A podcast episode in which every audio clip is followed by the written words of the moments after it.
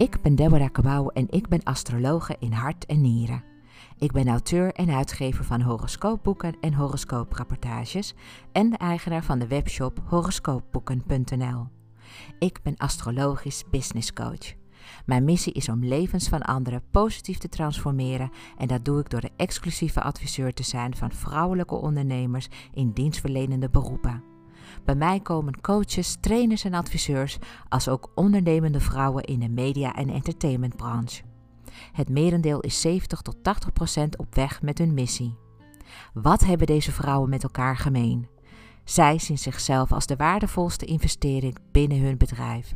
Ze willen eruit halen wat erin zit en goede strategische keuzes maken. Zit jij hier naar te luisteren en denk je: Goh, ze heeft het over mij? Ik heb een unieke methode ontwikkeld waardoor ik in jouw geboortehoroscoop kan zien waar jouw goud ligt en hoe jij dat het beste kunt verzilveren.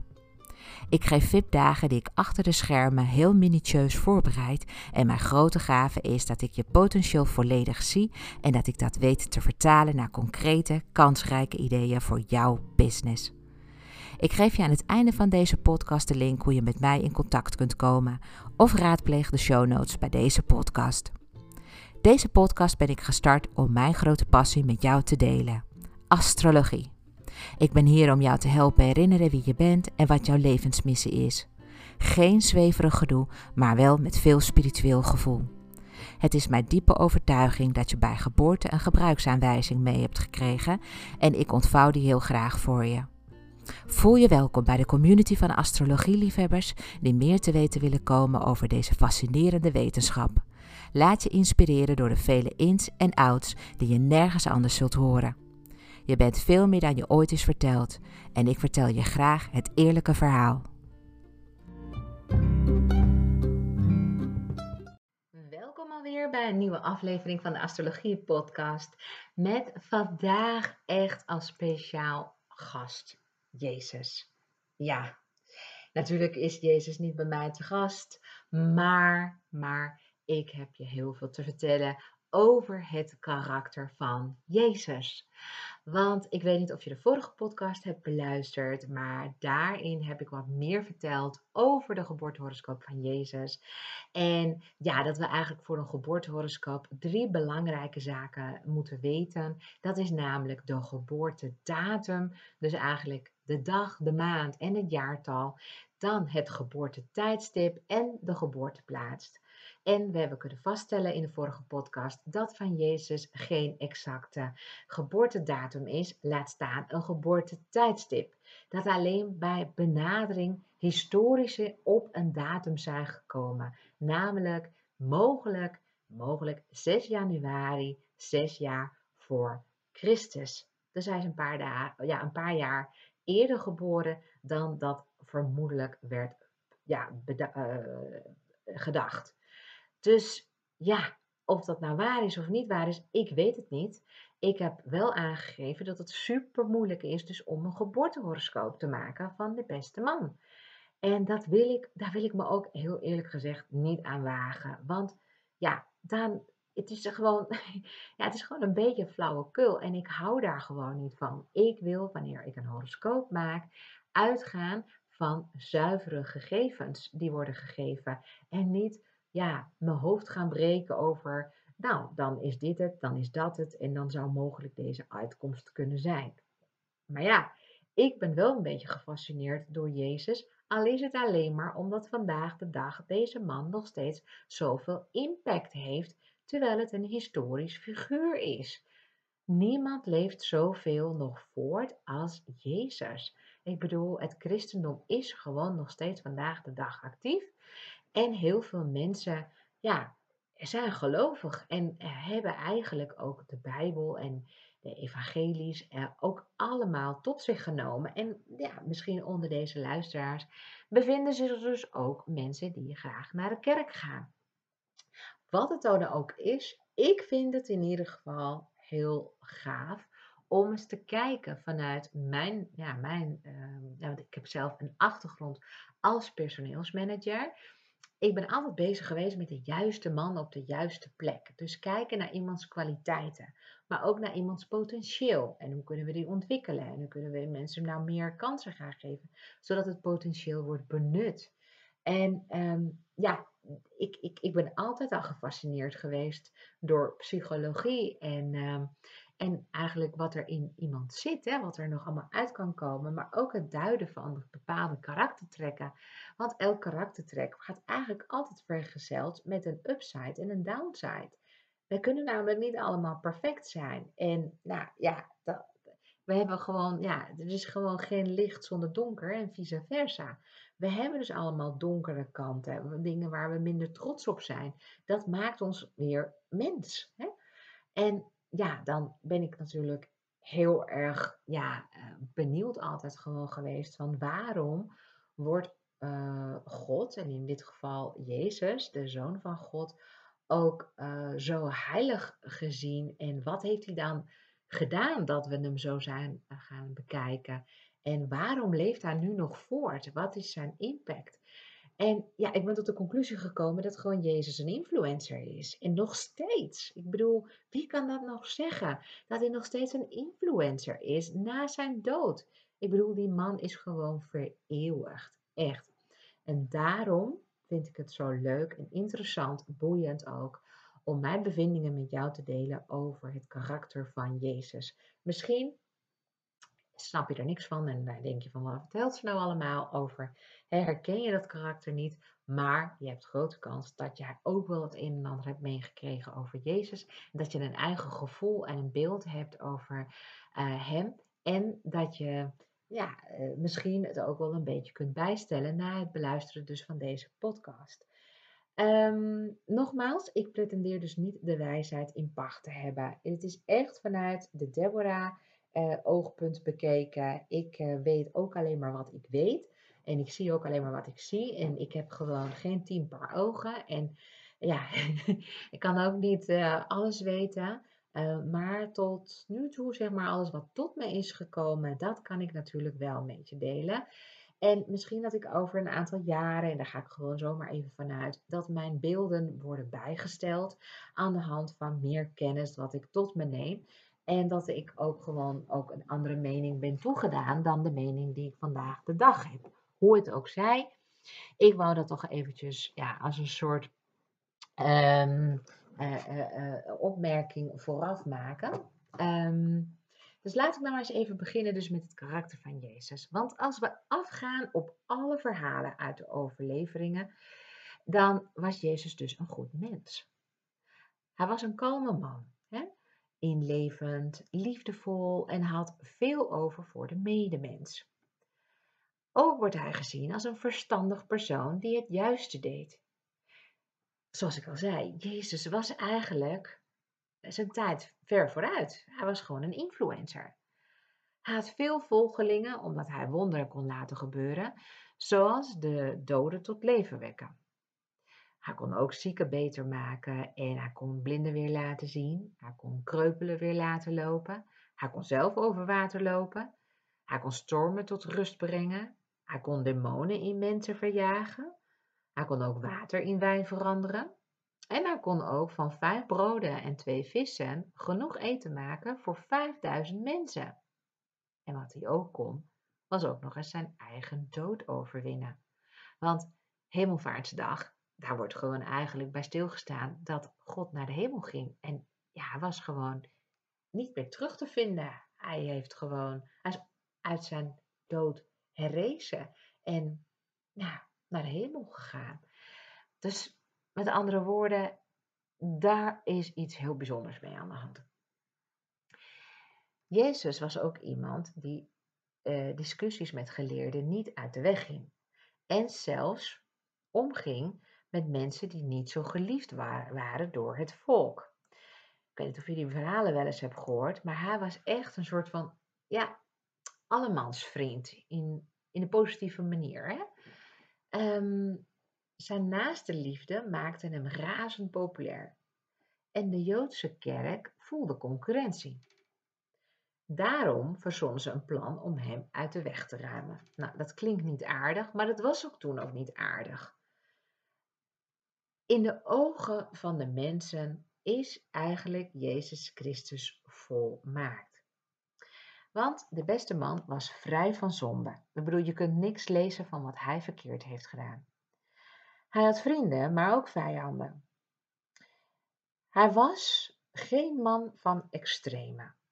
Dus je kon hem dus ook niet echt op dingen pakken. Nee.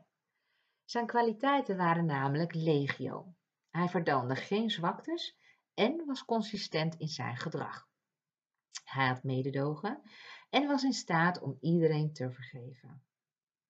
Hij kende geen kwaad, geen negativiteit, geen kwaadsprekerij, was nooit boos, jaloers of argwanend. Hij loog niet, sprak zichzelf nooit tegen. Hij wist altijd op het juiste moment het juiste te zeggen. Zijn oordeel was altijd gebalanceerd. Hij pochte niet, hij beledigde nooit en hij had ook nooit oneerbare voorstellen. Bijna om gek van te worden zou je zeggen, want zo iemand lijkt haast onaantastbaar. Jezus was gewoon nooit onzeker. Hij ging ook bij niemand te raden en hij had niets om op te biechten. Hij was snel van geest en wist altijd met een passend antwoord te komen. Hij had begrip voor iedereen en begreep iedereen met een half woord. Je zou bijna zeggen dat hij onmenselijk is. Want er is nog nooit iemand geweest die hem kon evenaren. Ik ken in ieder geval zo iemand niet. Jezus was dus eigenlijk, als je dat allemaal zo bij elkaar bekijkt, een rechtvaardig persoon. Hij was niet te hard, maar ook niet te zacht.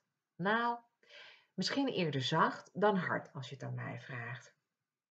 Of hij naïef was, valt niet te zeggen. Hij voorzag zijn eigen onheilslot en toch deed hij er niks aan.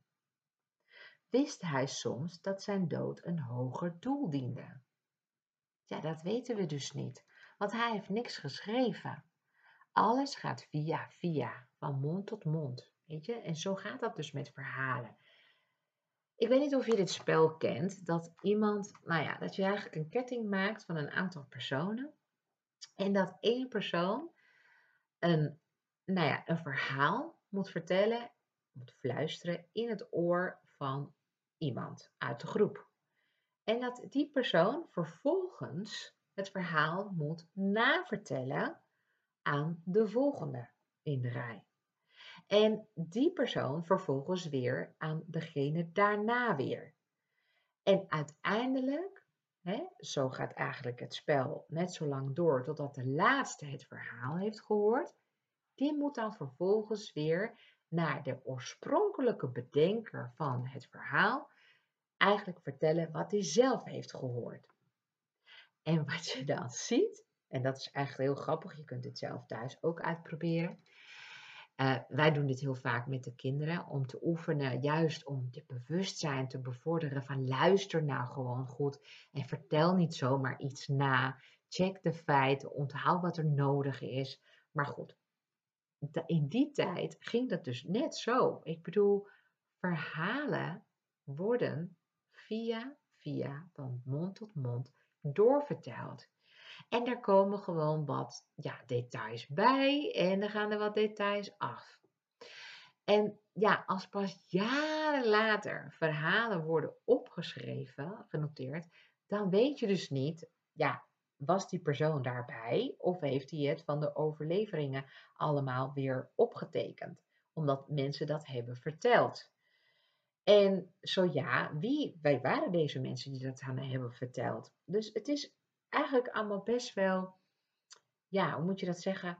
Lastig natuurlijk om heel erg um, ervan uit te gaan dat alles wat geschreven is waar is. Dus het kan ook heel erg goed zijn dat in het uh, evangelie van Matthäus, dat daar een stukje is, nou ja, toegevoegd. Want ja, in de andere evangelies kom je dus daar, dat weer niet tegen. er zijn er vier.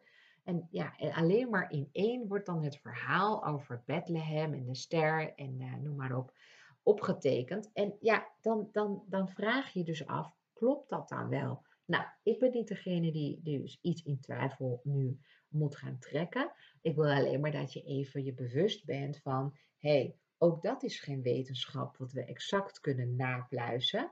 Uh, religie is helemaal niet eens een wetenschap. Dat, dat, dat, dus ja, de kerk verwijt eigenlijk dat astrologie geen wetenschap is, of dat het in ieder geval nergens, ja, dat het gewoon niet oké is. Um, maar zelf kunnen ze ook niet aantonen wat dan, wat dan wel waar is. En het is ook niet wetenschappelijk te bewijzen.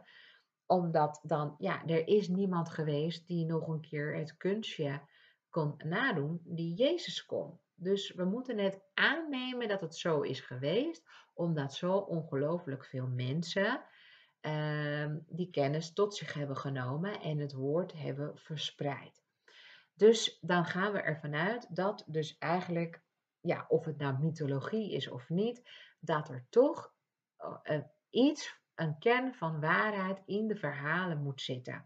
Nou, ik twijfel er ook niet aan dat Jezus heeft bestaan, want als historici zeggen er zijn voldoende, uh, was voldoende materiaal voorhanden om aan te nemen dat deze man uh, daadwerkelijk heeft bestaan, uh, ja, dan twijfel ik daar natuurlijk niet aan.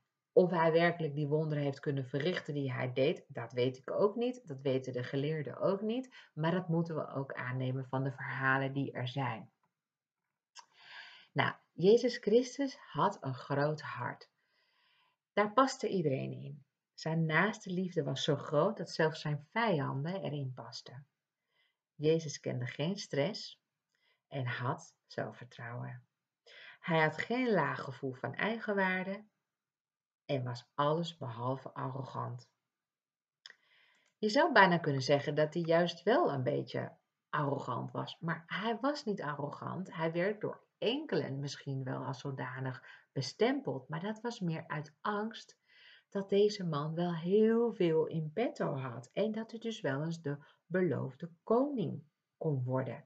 Dus er kwam angst, want ja, wat als Jezus uiteindelijk de koning werd der Joden?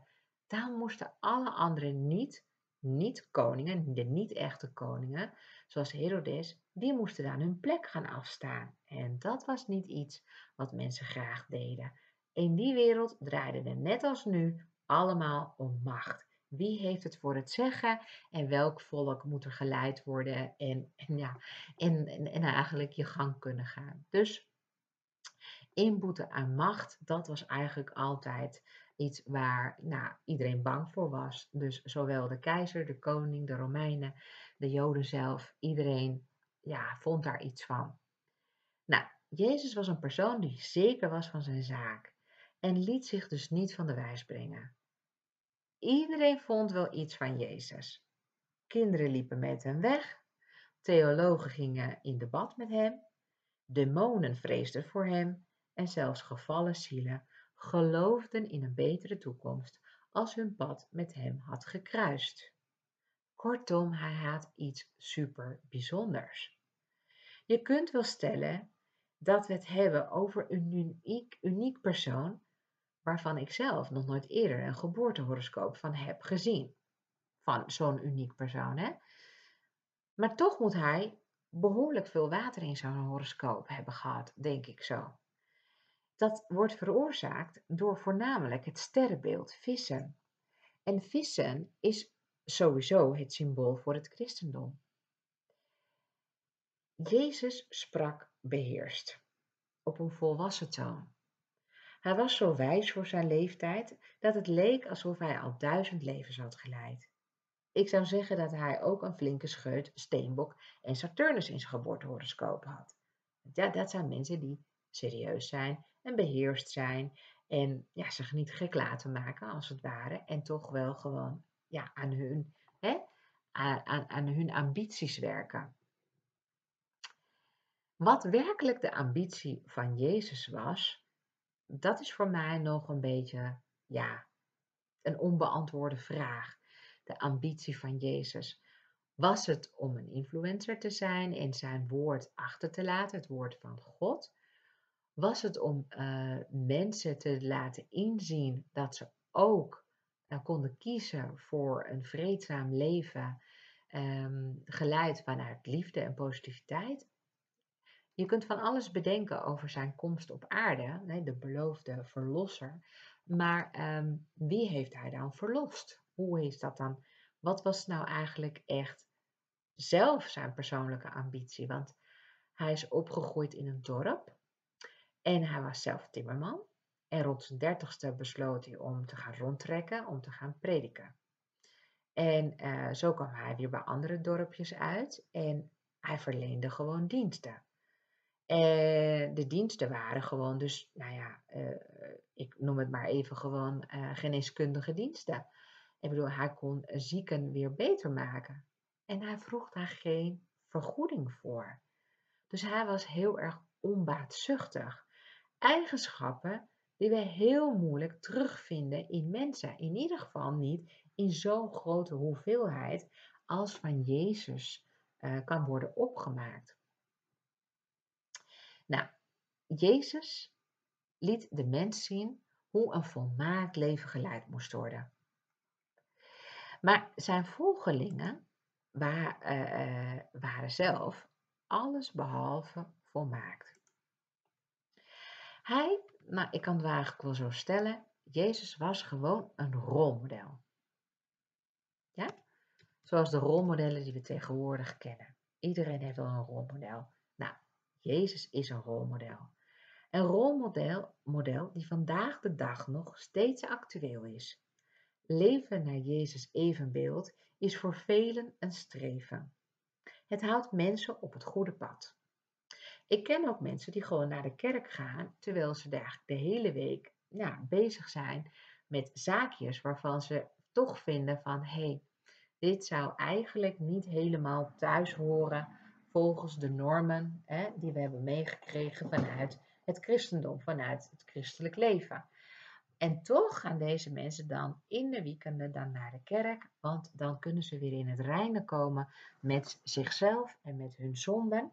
En gaan ze weer naar huis met een goed gevoel uh, en hebben ze weer ja, inspiratie om de rest van de week toch te handelen uh, naar Gods evenbeeld. Doe goed en dan ontmoet u ook goed. Jezus was ook een nomade. Ja, je hoort allemaal al namen. Hè? Ik bedoel, hij was een rolmodel, hij was influencer, hij was een nomade. En tegenwoordig is het zelfs super in om uh, nomade te zijn, een soort van digital nomad. Mensen zijn ondernemers en kunnen overal werken waar ze maar willen. Uh, natuurlijk niet iedereen, maar dat is wel een streven van veel mensen.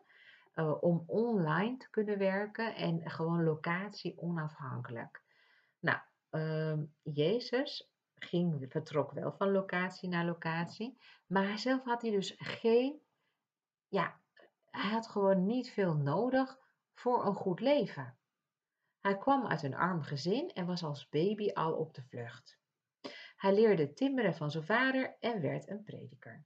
Jezus bezat haast niets en was nergens ingeschreven. Hij trok rond en werd niet door iedereen even goed begrepen. Hij werd verworpen, verraden en uiteindelijk ook gedood.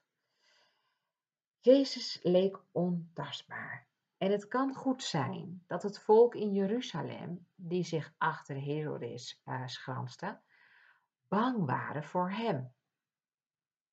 Het is een bekend verschijnsel namelijk dat wij mensen niet goed kunnen omgaan met mensen die we niet in een hokje kunnen plaatsen. Ja, en Jezus heeft een hokje helemaal voor zichzelf. Er is nog nooit een tweede Jezus opgestaan. En de mensen die hem tot nu toe uh, als Messias hebben willen evenaren, kunnen geschaard worden onder de charlatans, bedriegers dus. Jezus is uiteindelijk veroordeeld door het volk van Jeruzalem. De Romeinen hebben hem terechtgesteld. De Romeinse uh, uh, prefect, dat was Pilatus, hè, Pontus Pilatus, gaf het volk de keuze wie ze vrij wilde laten. Of de moordenaar Barabbas of Jezus. En het volk koos voor Barabbas en daarmee werd Jezus veroordeeld tot het kruis. Dit is natuurlijk wel een beetje een, een, een, ja, een, een zielig verhaal, vind ik zelf. Want kijk, zijn wortels lagen in het Jodendom. Ik bedoel, hij was Jood. Hij was als Jood geboren. En dan uitgerekend de Joden konden niet overweg met hem, konden er niks mee of waren, voelden zich op de een of andere manier bedreigd door hem. Was hij niet de persoon die ze graag hadden willen zien? Of uh, hè, waren veel te bang dat hij op een andere manier het geloof vorm ging geven? In ieder geval, uh, ja, ze kozen dus eigenlijk voor iets waarvan ik dan denk van, wat als ze daar niet voor hadden gekozen? Hè? Hoe zou dan het verhaal verder zijn gegaan? Maar goed, we kunnen de historie nu niet veranderen. Jezus was in ieder geval een persoon met impact. Hij heeft nog nooit zelf wat geschreven, maar tot de dag van vandaag wordt het nog steeds over hem geschreven en zelfs gezongen. Zonder zelf opgeleid te zijn, wist hij meer licht te schijnen over mensen dan alle filosofen en geleerden samen. Hij veroverde harten van alle lagen, binnen, binnen alle lagen van de bevolking. En als je je afvraagt, waar haal ik toch al deze informatie vandaan? Dan ehm, is het goed dat je gewoon weet, ja, ik heb wel een bijbelstudie gedaan. In ieder geval, ik ben wel geïnteresseerd geraakt in uh, de bijbelse verhalen. En heb ook een heel mooi boekje er uh, thuis in ieder geval. En dat is gewoon de Bijbel in 365 dagen. Dan krijg je dus elke dag lessen vanuit de Bijbel. Nou, ik heb, dat, uh, ik heb niet die hele cursus natuurlijk gedaan, maar ik uh, heb me wel daarin verdiept, vooral in de persoon Jezus. Van hé, hey, waarom aanbidden wij hem zo? En, en in zoveel verschillende landen ook. Hè? Want ik kom uit Ibiza en vervolgens uh, kom ik in Nederland wonen. En daar hadden we een kerk en hier hebben we ook weer een kerk. En de verhalen zijn hetzelfde. Dus ik vind dat ja, wonderlijk dat dat gewoon zich zo heeft weten te verspreiden en dat iedereen hetzelfde verhaal kent. Ik heb ook geen verklaring hoe Jezus geboren kon worden zonder dat zijn ouders daar intiem voor waren geweest. Want ik bedoel, dit gaat toch tegen de natuurwetten in? Jezus was van eenvoudig komaf en toch wist hij geleerden in verlegenheid te brengen. Jezus verrichtte wonderen en vroeg geen geld voor zijn diensten, zoals ik er eerder zei. Jezus leeft nog steeds voort, omdat niemand kan bevatten waar hij zijn superkrachten vandaan had gehaald. Een geboortehoroscoop maken van Jezus is dus onbegonnen werk. Tot die conclusie ben ik al eerder gekomen. Maar deze man lijkt alles te overstijgen. En misschien is dat ook de schoonheid van alles en moet deze historisch persoon onschendbaar blijven en voortleven in de harten van gelovigen. Zoals mijn opa altijd zei, en mijn opa is een gelovige, die zei: Het geloof is een stok om op te leunen, niet om anderen mee te slaan. En hiermee wil ik graag deze podcast afsluiten. Volgende week ga ik het eigenlijk hebben over Ehm, de mensen, dus de eersten die Jezus bezochten. Want wat veel mensen niet weten, is dat het helemaal geen drie koningen waren. En het waren ook gewoon, ja, geen drie koningen, ook geen wijzen uit het oosten, maar het waren astrologen. Ja, en hoe dat nou allemaal precies zit en wat er toen allemaal is gebeurd, dat ga ik je mooi vertellen in de podcast van de volgende keer. Dankjewel voor het luisteren. Ik hoop dat het heel inspirerend voor je was. Mocht je deze podcast naar iemand door willen sturen, dan kan het uiteraard. En vergeet niet je te abonneren op deze podcast, zodat jij gewoon voor altijd een leuke podcast van mij blijft ontvangen. Mocht je geïnteresseerd zijn in je eigen geboortehoroscoop, vraag die dan vandaag nog aan op deborahkabau.nl met Deborah een H. Dankjewel.